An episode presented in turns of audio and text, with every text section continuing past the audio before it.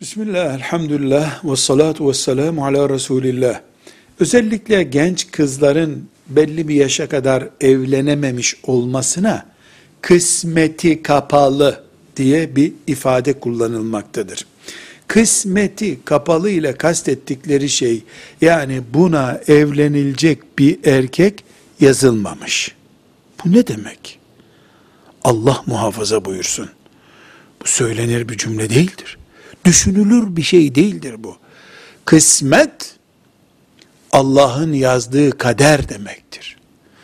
Allah yazdıysa evlilik vardır. Yazmadıysa yoktur.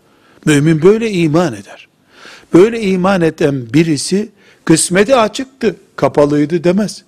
Kısmetin kapalı olması Allah'ın yazdığının bozulması anlamına mı gelecek? Böyle sözleri mümin konuşmaz.